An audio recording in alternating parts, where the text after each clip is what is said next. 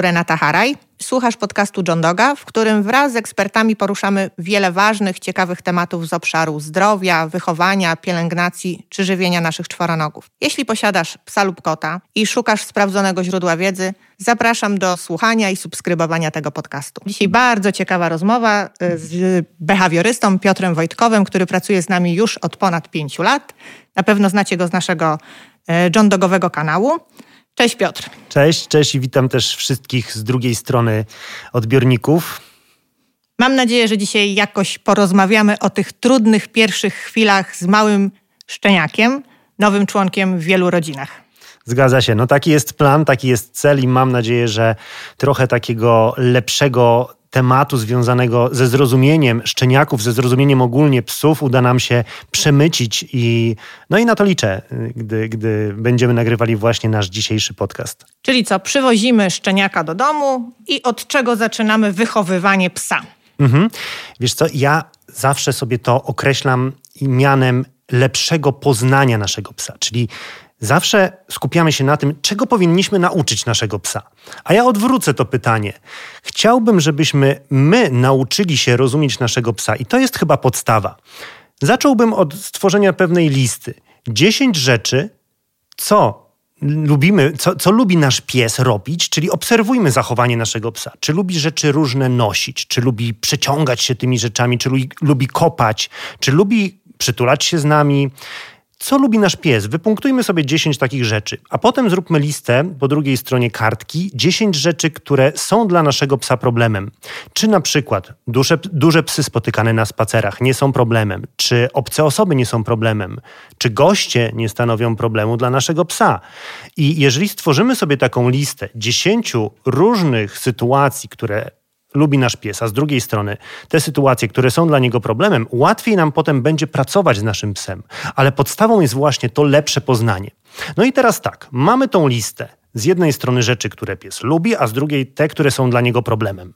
I przykładowo, jeżeli nasz pies obawia się innych psów, ale bardzo lubi, na przykład jest typem terriera i lubi coś chwycić, poprzeciągać się tym, no jest takim ekstrawertykiem i wiemy, że te czynności sprawiają mu dużą radość, to być może można te właśnie zachowania, które nasz pies lubi robić w naturalnych, bezpiecznych dla niego sytuacjach, wykorzystać w sytuacji problemowej. A ile byś dał czasu takiemu nowemu właścicielowi na to, żeby właśnie ta lista powstała? Mhm. Czy ją powinniśmy napisać w ciągu pierwszego tygodnia, miesiąca? Ja myślę, że tydzień to już jest taki okres, że powinniśmy sporo wiedzieć o naszym psie. Pierwsze dwa, trzy dni to jest zbyt mało, ale tydzień, dwa, trzy tygodnie to już jest czas, kiedy powinniśmy zacząć się poznawać. I to jest chyba pierwszy krok, który powinniśmy poczynić, budując relacje z naszym psem. Bo jeżeli nasz pies zrozumie, że my potrafimy, że, że my wiemy, co on lubi robić, co jest dla niego problemem, a psy doskonale takie rzeczy zaczynają wyczuwać, gdy widzą, że, że rzeczywiście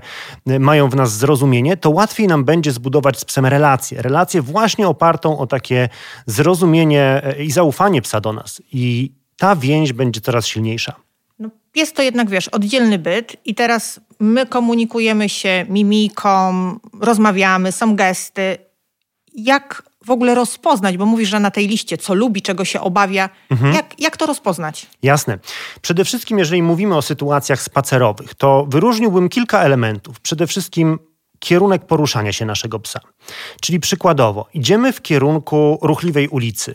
Czy nasz pies nie próbuje zejść w jakąś spokojniejszą uliczkę, czy w spokojniejszą ścieżkę? To może już dla nas być sygnał. Być może on obawia się dźwięków samochodów, dźwięków, nie wiem, tramwajów, które przejeżdżają przy tej ruchliwej ulicy i próbuje nam wskazać, że chciałby jakieś spokojniejsze miejsce wybrać do tras spacerowych. Więc kierunek poruszania się psa to jest pierwszy element. Drugi element to tempo. Tempo, czyli na przykład, czy nasz pies idąc w kierunku jakiejś osoby, która idzie z naprzeciwka, nie spowalnia swoich ruchów, nie zatrzymuje się. Może ta osoba go trochę niepokoi i potrzebuje zebrać informacje o tej osobie, czyli zatrzymać się, poobserwować, zobaczyć, co to za obiekt, wtedy się poczuje troszkę pewniej, bezpieczniej, no i będzie w stanie na przykład tę osobę wyminąć. Jeżeli my będziemy starali się psom narzucać nasze ludzkie zachowania, bo my, naturalne dla nas jest to, że idąc na spacer z psem, chcemy przejść z punktu A do punktu B, a potem znowu z punktu B do punktu A. Najczęściej punktem A jest nasze mieszkanie, punktem B jest park i albo jakaś tam łączka, podczas, y, y, którą odwiedzamy podczas spacerów i chcemy pokonać tą trasę. A jeżeli inaczej troszeczkę do tego podejdziemy i pomyślimy, że spacer jest po to, to jest czas dla psa i będziemy starali się dopasować trochę do psa, to będzie miał on zupełnie inną wartość. E, I też spacer stanie się takim naszym łączącym elementem, łączącym właśnie naszą relację z psem. Ok, wspomniałem o sytuacjach spacerowych, może jeszcze powiem w domu, jak, na jakie sytuacje warto zwracać uwagę. Czyli przykładowo, czy nasz pies mm, nie jest czujny w niektórych sytuacjach? Na przykład, kiedy słyszy jakieś odgłosy za oknem czy po klatce schodowej, jak się zachowuje w, podczas wizyt gości? Jak zachowuje się w stosunku do nas? Czy nie próbuje na nas skakać, podgryzać nas? Czy nie radzi sobie z samotnością? Jak sobie radzi z samotnością? Właśnie to są te sytuacje, które też warto sprawdzić w kontekście przebywania naszego psa w domu. I wtedy zaczyna się ta, ta lista budować, tworzyć i coraz więcej zaczynamy wiedzieć o swoim psie. I co z tą listą dalej zrobić? Jak wiesz, wykorzystać to, co mhm. zaobserwowaliśmy, zapisaliśmy, mhm. mieszkamy z partnerem, z partnerką, z żoną, z mężem, z dziećmi. Co tak, dalej? Tak.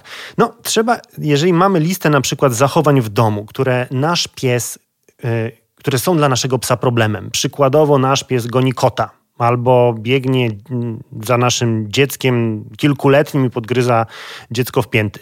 No to są pewne zachowania, które nas niepokoją u naszego psa.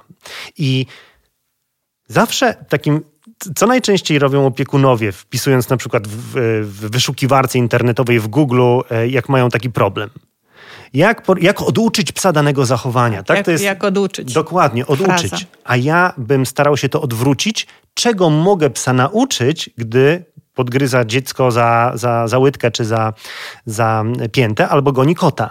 Czyli jeżeli przykładowo nauczymy psa spokojnego siedzenia albo spokojnego zostawania na miejscu i będziemy go za to nagradzali w momencie, gdy kot przechodzi obok albo gdy dziecko się szybko porusza po naszym mieszkaniu, to dajemy psu jasny komunikat, jak ma się zachować w tej sytuacji. Jest to dużo lepsze niż mm, zastanawianie się, w jaki sposób oduczyć. Myślę, że ta zmiana sposobu myślenia już by dużo zmieniła. E, Czyli zmieniamy myślenie z jak oduczyć, czego nauczyć, tak? Dokładnie, dokładnie tak. I wspomniałem o sytuacji, której, w której pies szczeniak nasz jest urwisem. Urwisem zaczepiającym dziecko, czy goniącym kota i, i ma po prostu z tego fan. I, I, cieszy się w tej sytuacji. I jest to dla niego zachowanie tak zwane w moim języku samonagradzające. Ale są też sytuacje, które niepokoją nasze psy. Czyli przykładowo samotność, przykładowo Mm, no właśnie wspomniane. Dźwięki na klatce schodowej. Dokładnie, dźwięki, tak, na klatce schodowej czy podczas spacerów. I staram się zastanowić, co będzie w tych trudnych sytuacjach dla mojego psa pomocą. Jeżeli właśnie niepokoją go dźwięki na klatce schodowej, to być może jak dam mu troszeczkę otuchy, podejdę do tego miejsca, w którym pies się niepokoi, czyli obserwuję przy drzwiach ym, klamkę i nasłuchuję, co tam się z drugiej strony dzieje. Ja podejdę do niego, kucnę i powiem mu, jest okej, okay, jestem z tobą, to mm, obserwuję też, czy to pomaga mojemu, mojemu psu. Jeżeli tak, no to świetnie, to już mam pewną informację, jak mogę zadziałać, żeby pomóc mojemu psu. I w ten sposób się wzajemnie poznajemy, w ten sposób się uczymy. Taki czas wzajemnej nauki, tak? Dokładnie, dokładnie. I to chyba powinna być taka wskazówka dla opiekunów szczeniaków, czy dla osób, które się przygotowują na pojawienie się szczeniaka, jak spędzić te pierwsze dni i na co zwracać uwagę. Mm, jeżeli na przykład naszego psa niepokoją inne psy na spacerze i widzimy, że przed nimi ucieka, też zastanawiam się, jak mu pomóc, ale też jak znaleźć psy, które będą trochę spokojniejsze do kontaktu, które pomogą, mm, z którymi łatwiej będzie przełamać naszemu szczeniakowi lęk. To też są mm, ważne takie informacje i, i, i myślę, że to powinien być ten kierunek naszego myślenia na początku. Czyli tak trochę weszliśmy weszliśmy teraz w tematy socjalizacyjne, tak? Mhm. Nasz pies z innymi psami. Tak. Tak, to jest właśnie tak, socjalizacja. Socjalizacją też zaczęło mm, się nazywać nie tylko, bo socjalizacja jest od uspołeczniania, tak? od nabierania pewnych kompetencji społecznych. To od słowa socjal pochodzi to słowo. I Socjalizacja może być zapoznawaniem psa z różnymi ludźmi, z innymi psami, czyli z osobnikami tego samego innych gatunków, ale no, w takim języku szkoleniowym już się utarło że to słowo ma trochę szersze znaczenie, czyli socjalizacja też jest zapoznawaniem z różnymi sytuacjami. I socjalizacja jest takim działaniem profilaktyki, żeby zapoznawać stopniowo szczeniaka z sytuacjami, które w przyszłości mogą wywoływać u niego niepokój. I co ciekawe, okres socjalizacji trwa do około czwartego miesiąca, wtedy ta ciekawość jest dużo większa i z czasem zaczyna być wypierana przez strach. Czyli powiedzmy, że trafia do nas szczeniak, ma 8-10 tygodni i to jest ten najlepszy, najbardziej wartościowy czas, żeby go wykorzystać y, w socjalizacji naszego y, psiego dzieciaka. Tak, zgadza się. Do około czwartego, piątego, u niektórych raz troszeczkę dłużej, u niektórych trochę krócej ten okres socjalizacji trwa. Jest to ten okres, kiedy ta ciekawość jest jeszcze wzmożona i łatwiej psa właśnie zapoznawać z tymi sytuacjami. Potem, jeżeli nasz pies będzie żył w jakimś środowisku sterylnym albo wyizolowanym od różnych zewnętrznych bodźców, od różnych, od obcych psów, od obcych ludzi, od e, różnych sytuacji, takich miejskich na przykład, bo będzie mieszkał na wsi, trafi do nas siedmiomiesięczny pies, no to dużo trudniej jest go przyzwyczaić do tych sytuacji. Zresztą sama wiesz, bo Wiem, rozmawialiśmy tak, tak przed, przed, e, przed nagrywaniem podcastu o problemach twojego psa i i, I właśnie to, to jest to, na co też warto zwrócić uwagę, gdy szczeniak do nas trafia, żeby właśnie zapoznawać go z różnymi sytuacjami. Czy jesteśmy w stanie, jako właściciele czy przyszli właściciele psa, y, przejść ten proces y, jak najlepszej socjalizacji, nie korzystając y, z psiego przedszkola, z takiego miejsca, gdzie jednak sporo mhm. szczeniaków trafia, mhm. no ale nie wszystkie i w dobie pandemii jest to trochę trudniejsze. Tak, jest trudniejsze. Wiesz co? Ja mm, zawsze sobie to próbuję mm, próbuję zawsze to wytłumaczyć w ten sposób. Oczywiście można pewne rzeczy zrobić samemu, ale dużo łatwiej jest mi poinstruować kogoś, jak nauczyć psa siat, czy jak nauczyć psa na miejsce, niż jak dostosować się do jego osobowości. To jest dużo trudniejsze i myślę, że wsparcie empatycznego, rozumiejącego psie emocje behawiorysty jest nieocenione w takich sytuacjach. Oczywiście, jeżeli my mamy już pewną wiedzę i potrafimy rozpoznawać pewne sygnały, to możemy spróbować samemu zadziałać, ale nigdy to nie będzie miało takiej wartości, jak spotkanie się z kimś, kto ma duże doświadczenie i widzi coś, czego my możemy nie zauważać, bo jednak jest to inny gatunek i jego zachowania są zupełnie inne od naszych ludzkich. I czasami możemy wpaść w pewne pułapki, bo możemy źle interpretować zachowania naszego psa jako zachowania wymuszające. Przykładem może być skakanie. Jeżeli pies na przykład skacze na gości, to często interpretujemy to jako takie natrętne witanie się z gośćmi, a nie zawsze tak jest. Czasami pies niepokoi się widokiem gości, szczególnie e, tych bardziej energicznie zachowujących się, takich ekstrawertycznych, i próbuje w jakimś stopniu te osoby zatrzymać, czy uspokoić, czy obniżyć intensywność ich zachowań, na przykład skacząc na nich. Także Ktoś, kto ma większe doświadczenie, już to wyłapie. My możemy tego nie wyłapać. Aczkolwiek w dobie pandemii mm, okazało się, że mamy dużo większe możliwości e, w kontekście przekazu. Przekaz chociażby przez analizowanie nagrań, tak, konsultacje online, które też e, ja prowadziłem podczas lockdownu, okazują się, że mają też pewną wartość i to, i to, to jest coś, co, czego myślę nasz też test też troszkę nauczyła pandemia i ten trudny e, no, w kontaktach społecznych okres. Mm, więc e, na pewno jesteśmy w stanie samodzielnie nauczyć wielu zachowań. Polecam filmy, które nagrywałem z John Dogiem, gdzie e, pokazywałem, w jaki sposób nauczyć podstawowych zachowań, które naprawdę mogą ułatwić wiele różnych sytuacji, funkcjonowanie z psem, jak chociażby miejskie sytuacje, kiedy uczymy przywołania czy y, chociażby sytuacje, kiedy musimy przejść z psem przez pewien dystans i chcemy, żeby pies był blisko, jak y, spacerowanie przy nas, blisko przy nodze. Też są nagrania na, na John Dogu, jak tego nauczyć, ale jeżeli już pies czegoś się boi, to wtedy musi wkroczyć mm, behawiorysta i myślę, że to jest taki moment, kiedy mm, ta obecność behawiorysty jest y, konieczna. Mam wrażenie, że zupełnie inaczej dzisiaj patrzymy na psa. Psa w rodzinie, tak? I, i jakby już coraz mniej ludzi mówi taką frazę, której ja nienawidzę, to tylko pies. Mhm. I coraz częściej zastanawiamy się e, nad tym, jakie to emocje towarzyszą naszemu psu. Tak. E, czy to rzeczywiście jest strach, czy to jest, nie wiem, coś, zachowanie agresywne. I czy nie boisz się, że jeśli, znaczy nie boisz się, czy, czy to nie jest tak, że jeśli rzeczywiście ktoś mało doświadczony bierze psa, to przykłada takie kalki, wiesz, i o kurczę, cieszy się, na pewno to jest radość, mhm. e, wita się z gośćmi, że nie, czy nie będziemy wchodzić jako, nie korzystając z takich e, właśnie profesjonalnych porad, w te takie pułapki, korytarze, kalki, które, które wcale nie są prawdziwe, okazuje się. Jest duże ryzyko, natomiast mm, no też jakoś psy funkcjonowały, wiesz, przez wiele lat przy człowieku. No, nie, nie mówię, że to było dla nich dobre. Mm, niemniej y, jako kameleon mm, ewolucji znakomicie sobie poradziły z różnymi sytuacjami. Dzisiaj już dużo więcej o nich wiemy i dużo więcej wiemy o ich emocjonalności, o ich komunikacji i możemy nawiązać jeszcze lepsze relacje z naszymi psami. To jest fantastyczne, czego y, no nie było jeszcze kilkadziesiąt lat temu.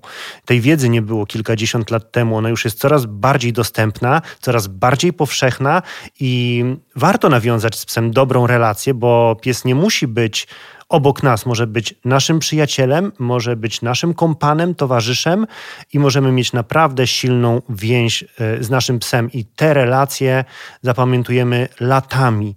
I mm, no wiadomo, psy żyją troszkę krócej niż, niż my i e, do dzisiaj pamiętam moje e, wspomnienia z psami, z którymi miałem dobre relacje. I zadbajmy o to, żeby mieć z naszym psem dobrą relację, bo mm, to, to, te, te, przeżycia są nie do, nie do ocenienia, tak? To, to będzie towarzyszyło nam przez całe życie i wspomnienia naprawdę e, e, naszego, naszego psa, z którym mamy dobrą relację, zostaną z nami na zawsze. Czyli tak, zaczynamy od poznawania się, obserwujemy naszego e, psiego przyjaciela, mhm. E, próbujemy odgadnąć, jakie, czy, czy opisać, jakie emocje mu towarzyszą, tak? a czego zdecydowanie nie powinniśmy robić w tym pierwszym okresie, czego nie polecasz. Mhm. Nawet nie chcę powiedzieć, że okresie wychowywania szczeniaka, tak. bo w tym momencie już mam wrażenie, że to jest okres, kiedy my nawiązujemy więź, budujemy relacje i poznajemy się. Mhm czego nie robić. No wiesz, takie rzeczy, sytuacje czy, czy, czy działania, które są cały czas niestety dosyć popularne, jak mm, traktowanie psa siłowo czy karcenie go, to są sytuacje, których powinniśmy unikać. Pamiętajmy, że wszelkie formy karcenia będą wywoływały strach u psa, a strach niszczy relacje. Strach nigdy nie będzie budował relacji. Nie można zbudować dobrej relacji na strachu. Relacje buduje się na zaufaniu, na poczuciu bezpieczeństwa i na przyjemnych y, wspomnieniach. Te osoby, z którymi my czujemy się dobrze, bezpiecznie i z którymi mamy dużą historię przyjemnych doświadczeń, to nasi najlepsi przyjaciele. I starajmy się z naszym psem też zbudować właśnie w ten sposób tę relację. Oczywiście wszelkie podejścia w stylu zdominowanie naszego psa, to, to też mm, należy tego też unikać. Także bardziej starałbym się kierować naszych słuchaczy mm, w stronę empatyzujcie ze swoimi psami, uczcie ich różnych zachowań, które będą przez Was akceptowalne i które chcielibyście widzieć u, na, u nich coraz częściej, zamiast dominować i podporządkować psa siłowo. Czyli co, ta droga będzie dłuższa, tak? Bo tak, wiesz, wydaje się, że ta droga e, i cała teoria dominacji jest drogą na skróty. Tak, bardzo szybkie efekty można mieć karcąc. Rzeczywiście, to jest ogromna zaleta i ten efekt takiego samouzależnienia też od karania mm, obserwuję na co dzień, gdy pracuję jako behawiorysta. Ale z kolei relacja, która jest zbudowana właśnie na tych wartościach, o których mówię e, e, cały czas, jest dużo bardziej trwalsza i mocniejsza. A co z konsekwencją nas jako właścicieli psów? Często się mówi, że należy być niezwykle konsekwentnym e, właśnie w tym w relacjach z psem. Zgadza się. Konsekwencja buduje też poczucie bezpieczeństwa u psa. Czyli jeżeli pies wie, czego może się spodziewać w różnych sytuacjach po naszych zachowaniach, to będzie czuł się bezpieczniej. Nie oznacza to zawsze, że musimy zero-jedynkowo traktować naszego psa, ale warto, żeby pies wiedział, czego od niego w niektórych sytuacjach oczekujemy. Ja na przykład podaję, zawsze, podaję często e, taką sytuację z mojego codziennego podwórka, z życia z moim psem. Mm, mieszkam w no, prawie centrum Warszawy, ale mam ten komfort, że mam taki malutki ogródek. I czasami, jak muszę wyjść, to mówię: Bordo, idź na siku. I Bordo wtedy wie, że ma wyjść, zrobić siusiu i wraca do domu. Ale czasami jest ładna pogoda, mm, otwieram drzwi na, na ten ogródek i mówię: Czy chcesz iść na siku? I on w tym momencie tak czasami na mnie patrzy: Nie, wolę się zdrzemnąć bo on doskonale wie, jaka jest konsekwencja jednego, drugiego zdarzenia. Że w pierwszej sytuacji ja naprawdę się spieszę i ja go, e, ja chcę, żeby on wyszedł i on, no, poprzez to, że te sytuacje były wielokrotnie powtarzane i no trochę go e, zawsze, gdy mówiłem Bordo idź zrób siku, to, to było to na poważnie, a w momencie, gdy mu proponowałem wyjście, to zawsze była to tylko propozycja, to on się nauczył, jaka jest konsekwencja w jednej i w drugiej sytuacji. I ważne jest, żeby nasze komunikaty w stronę naszych psów były dla nich czytelne, bo to, to jest konsekwencja. A tak? jak pracować, wiesz, rodzina to nie jest Często to są inni domownicy. Mhm. Czy wszyscy powinniśmy zachowywać się dokładnie tak samo? Wszyscy powinniśmy mieć podobne zasady. Myślę, że to jest ważne.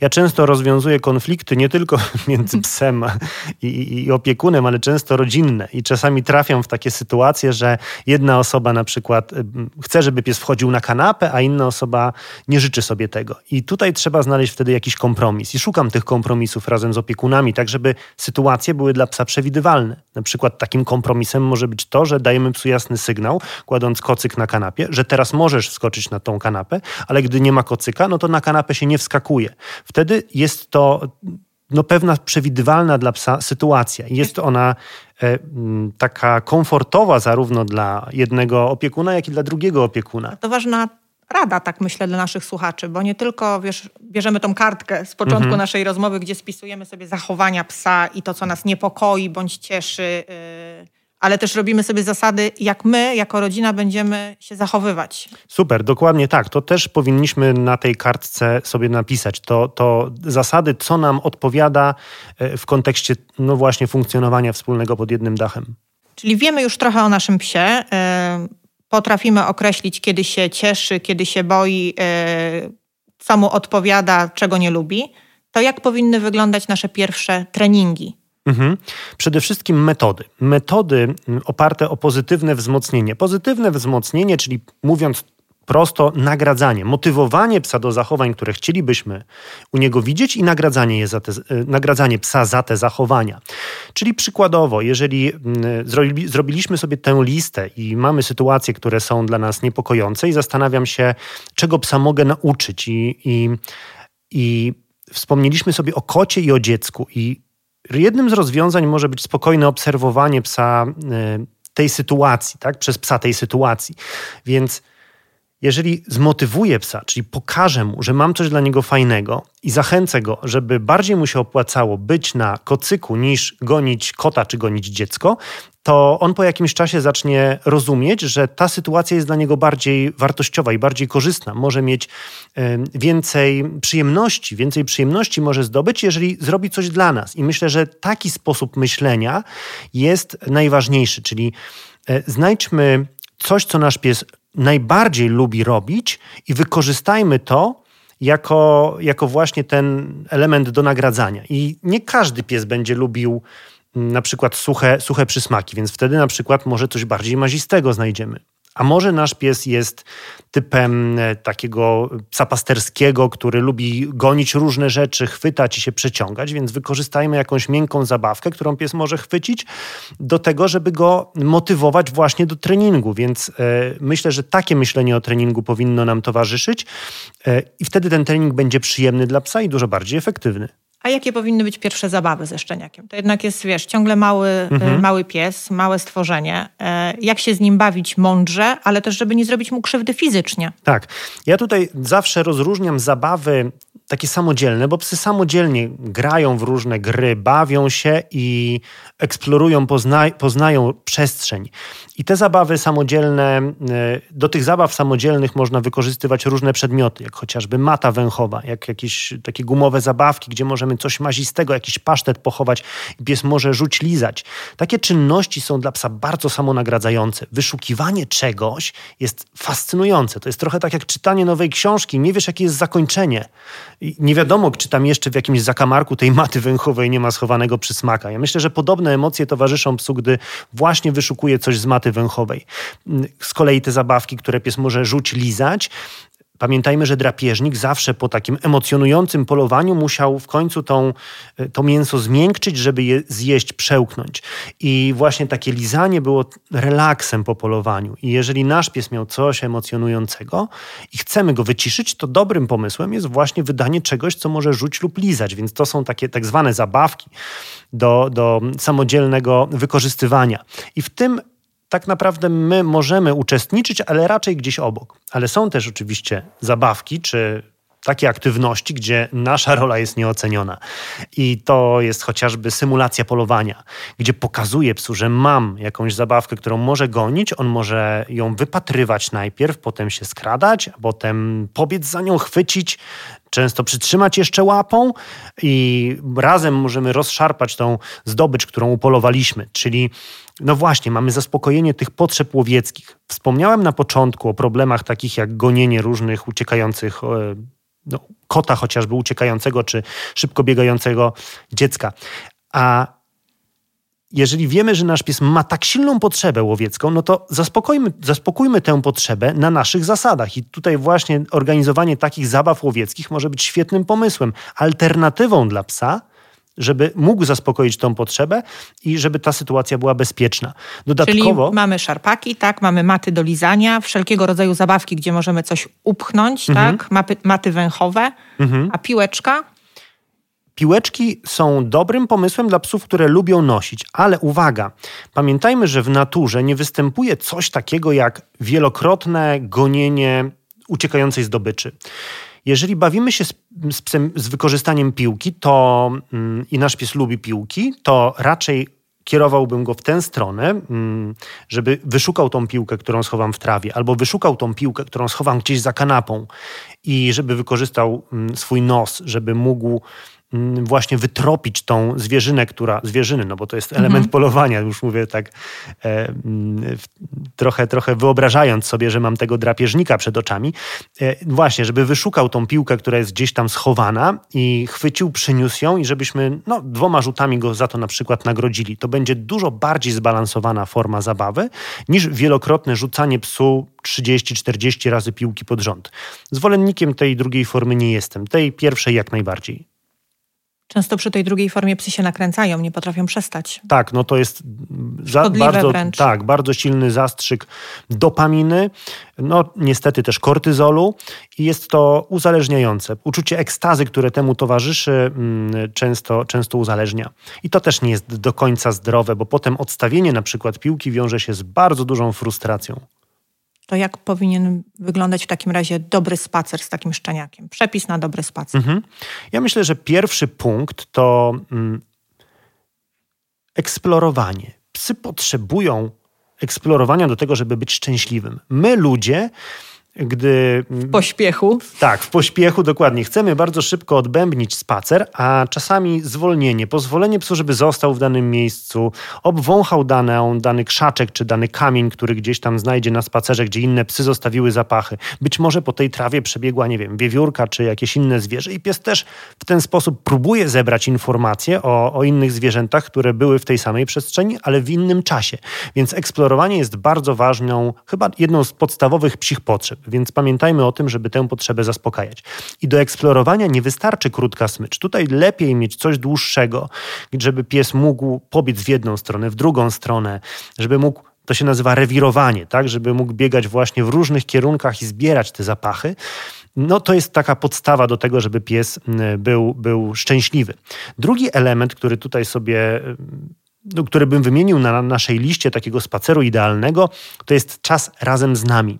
I fajnie wykorzystać spacer do tego, żeby z psem uczyć y, uczyć naszego szczeniaka różnych zachowań, które będą przydatne na co dzień, ale też, żeby się z nim pobawić trochę na spacerze, żeby on umiał się podczas tego, żeby umiał skorzystać z, ze spaceru jako takiego czasu na taki bardziej też dynamiczny kontakt z nami. Więc myślę, że trening i, i, i właśnie zabawa to jest ten drugi element, który powinien być. I skoro jesteśmy w temacie szczeniaków, to wydaje mi się, że zapoznawanie z różnymi nowymi sytuacjami to jest też coś szalenie ważnego. Żebyśmy... Ale czy to oznacza, że takie spacery, ja je nazywam technicznymi, Wiesz, mhm. załatwienie potrzeb fizjologicznych nie powinny mieć miejsca. Krótki spacer, pies robi to, co, to, co mhm. powinien zrobić w naszym mhm. rozumieniu i wracamy do domu? Absolutnie nie. Uważam, że takie spacery też powinny mieć swoje miejsce. Sam zresztą wychodzę na takie spacery ze swoim psem, e, natomiast nie mogę zapomnieć o tych spacerach, które są dla nas, które są elementem budowania naszej relacji i które są dla mojego psa, czy dla, dla, psów, którymi, z którymi żyjecie. Tak? To, to zaraz by było pytanie, ile takich spacerów powinno być w ciągu dnia? Mhm. Takich rzeczywiście, wiesz, że nie tak. Śpieszymy się, mamy dla siebie czas. I... Ja myślę, że dwa spacery, długie spacery, kiedy możemy się zrelaksować dziennie, to jest dobra ilość. Ale jeżeli mówimy o szczeniakach, to oczywiście tych technicznych spacerów powinno być dużo, dużo więcej. Czasami nawet 10, czasami nawet kilkanaście, więc no, w przypadku szczeniaków mm, ten okres jest e, no, trudniejszy dla wielu opiekunów, ale spokojnie. Szczeniaki też e, z tego wyrastają, jeżeli będziemy pamiętali o nauce czystości. A powiedz mi, kiedy Twoim zdaniem powinniśmy rzeczywiście już poważnie zacząć myśleć o szukaniu pomocy u psiego behawiorysty? Mhm. Co powinno nas skłonić do tego, żeby przestać googlować, tak. tylko rzeczywiście szukać e, pomocy i jak wybrać e, mhm. dobrego behawiorystę? Ja zawsze e, lubię i, i cenię tych klientów, którzy działają proaktywnie. Proaktywnie, czyli nie mają jeszcze problemu, ale chcą na przykład wiedzieć, czy nie popełniają jakichś błędów to jest szalenie ważne, żebyśmy też zaczęli myśleć w ten sposób o naszych psach. I naprawdę wcześniejsza wizyta u behawiorysty potrafi czasami rozwiać nasze wątpliwości. Czyli taka profilaktyka. Tak, profilaktyka, dokładnie. Tak samo jak jest z leczeniem, coraz większa jest nasza świadomość na temat różnych chorób. Ja badam na przykład krew profilaktycznie, żeby wiedzieć, e, czy jestem zdrowy.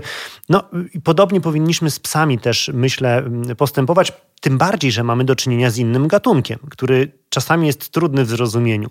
E, więc takie działanie e, profilaktyczne jest ważnym jest bardziej elementem. wizyta dla nas wtedy, tak? Czy tak. dobrze odczytujemy, rozumiemy, tak. czy to, co robimy jest ok, czy nie popełniamy błędów? Dokładnie, dokładnie tak. I, i, i to, to jest, y, no, myślę, że, że, że ważny element, na który należy zwrócić uwagę. Ale jeżeli mówimy już o takich działaniach reaktywnych, czyli no, już się pojawia jakiś problem, to pamiętajmy, że jeżeli ten problem zaczniemy, zaczniemy rozwiązywać w zalążku, dużo łatwiej nam będzie będzie poradzić sobie, ponieważ każdy problem to jest historia wzmocnień, historia doświadczeń i powstają pewne połączenia neuronalne w mózgu związane z daną sytuacją, których nie da się usunąć. Im więcej pies będzie miał doświadczeń, na przykład z oszczekiwaniem innych psów na spacerze, czy z mm, wyciem, gdy zostaje sam, to ciężej będzie ten problem potem odpracować. Więc im szybciej zauważymy, że dzieje się coś niepokojącego u naszego psa i im szybciej skorzystamy z profesjonalnej pomocy, tym lepiej. Czyli I... zupełnie jak ze zdrowiem, tak? Tak, dokładnie tak. To, to myślę, że jest dobre, dobre porównanie. I teraz zapytałaś jeszcze, jak szukać dobrego behawiorysty? Hmm. Myślę, że przede wszystkim odsiać osoby, które stosują metody siłowe, które e, stosują metody oparte na karceniu czy dominacji. To jest taka, taka chyba takie pierwsze sito, które należałoby uwzględnić. Bez względu na wielkość psa, bo czasem taki mit pokutuje, że wiesz, masz dużego psa, to inna metoda się nie sprawdzi. Absolutnie nie. Duże i małe psy czują tak samo, mają mm, te same systemy emocjonalne, które nimi kierują i tutaj, tutaj wydaje mi się, że, że absolutnie nie powinniśmy tego w ten sposób rozróżniać. Różnice są tylko w kontekście zrozumienia potrzeb i dopasowania się do danego osobnika, bo też nie mogę wrzucać wszystkich psów do jednego worka, bo mają te same systemy emocjonalne, bo mają też inne potrzeby i te potrzeby też trzeba zrozumieć. Ale mm, myślę, że też właśnie szukając behawiorysty powinniśmy znaleźć osobę, która będzie starała się zrozumieć psie, psie, emocje. I to jest chyba taka podstawa. Zrozumienie psich emocji, zrozumienie komunikacji, stawianie właśnie na te elementy związane z komunikacją i emocjonalnością są chyba e, najważniejsze i wyróżniają tych behawiorystów, których e, no, bym szukał tutaj w, naszej, e, w naszym takim świecie zawodowców. Okej, okay, a powiedz mi jeszcze tak podsumowując naszą rozmowę, czyli co Twoim zdaniem rzeczywiście jest najważniejsze w tych pierwszych tygodniach, miesiącach mhm. wspólnego życia mhm. z małym psem, ze mhm. szczeniakiem? Tak, myślę, że przede wszystkim wzajemne poznanie się. To jest ta, ten element, który tutaj. Czyli nie siku, siku kupa, tylko. Tak, tak, tak, tak. Także to, to chyba jest, jest coś, co, na co powinniśmy zwrócić uwagę. I skoro mówimy o szczeniakach, to też takie stopniowe zapoznawanie psa z różnymi sytuacjami bycie z psem w tych sytuacjach, bo pamiętajmy, że zapoznawanie to nie znaczy, że pies ma się z czymś zapoznać. To znaczy, że my razem mamy sprostać tej sytuacji i każda nawet trudna sytuacja może nas jeszcze lepiej do siebie zbliżyć i to chyba jest coś, na co powinniśmy zwrócić największą uwagę na początku budowania naszej relacji. Czyli jesteśmy my, a nie ja i nie pies. Dokładnie. Super, bardzo Ci dziękuję za tą rozmowę. Dziękuję również. To już koniec. Dzięki za przesłuchanie całości. Jeśli podobał Ci się ten odcinek i chcesz otrzymywać powiadomienia o kolejnych rozmowach z ekspertami, pamiętaj, żeby zasubskrybować nasz podcast. A jeśli masz ochotę na jeszcze większą dawkę sprawdzonej wiedzy na temat czworonogów, koniecznie odwiedź stronę johndog.pl i sekcję know-how. Znajdziesz tam mnóstwo materiałów, które tworzymy we współpracy ze specjalistami, między innymi lekarzem weterynarii, fizjoterapeutą czy behawiorystą. Zachęcam również do odwiedzenia naszego kanału na YouTube oraz profili na Facebooku i Instagramie. Dziękuję jeszcze raz i do usłyszenia w następnym odcinku.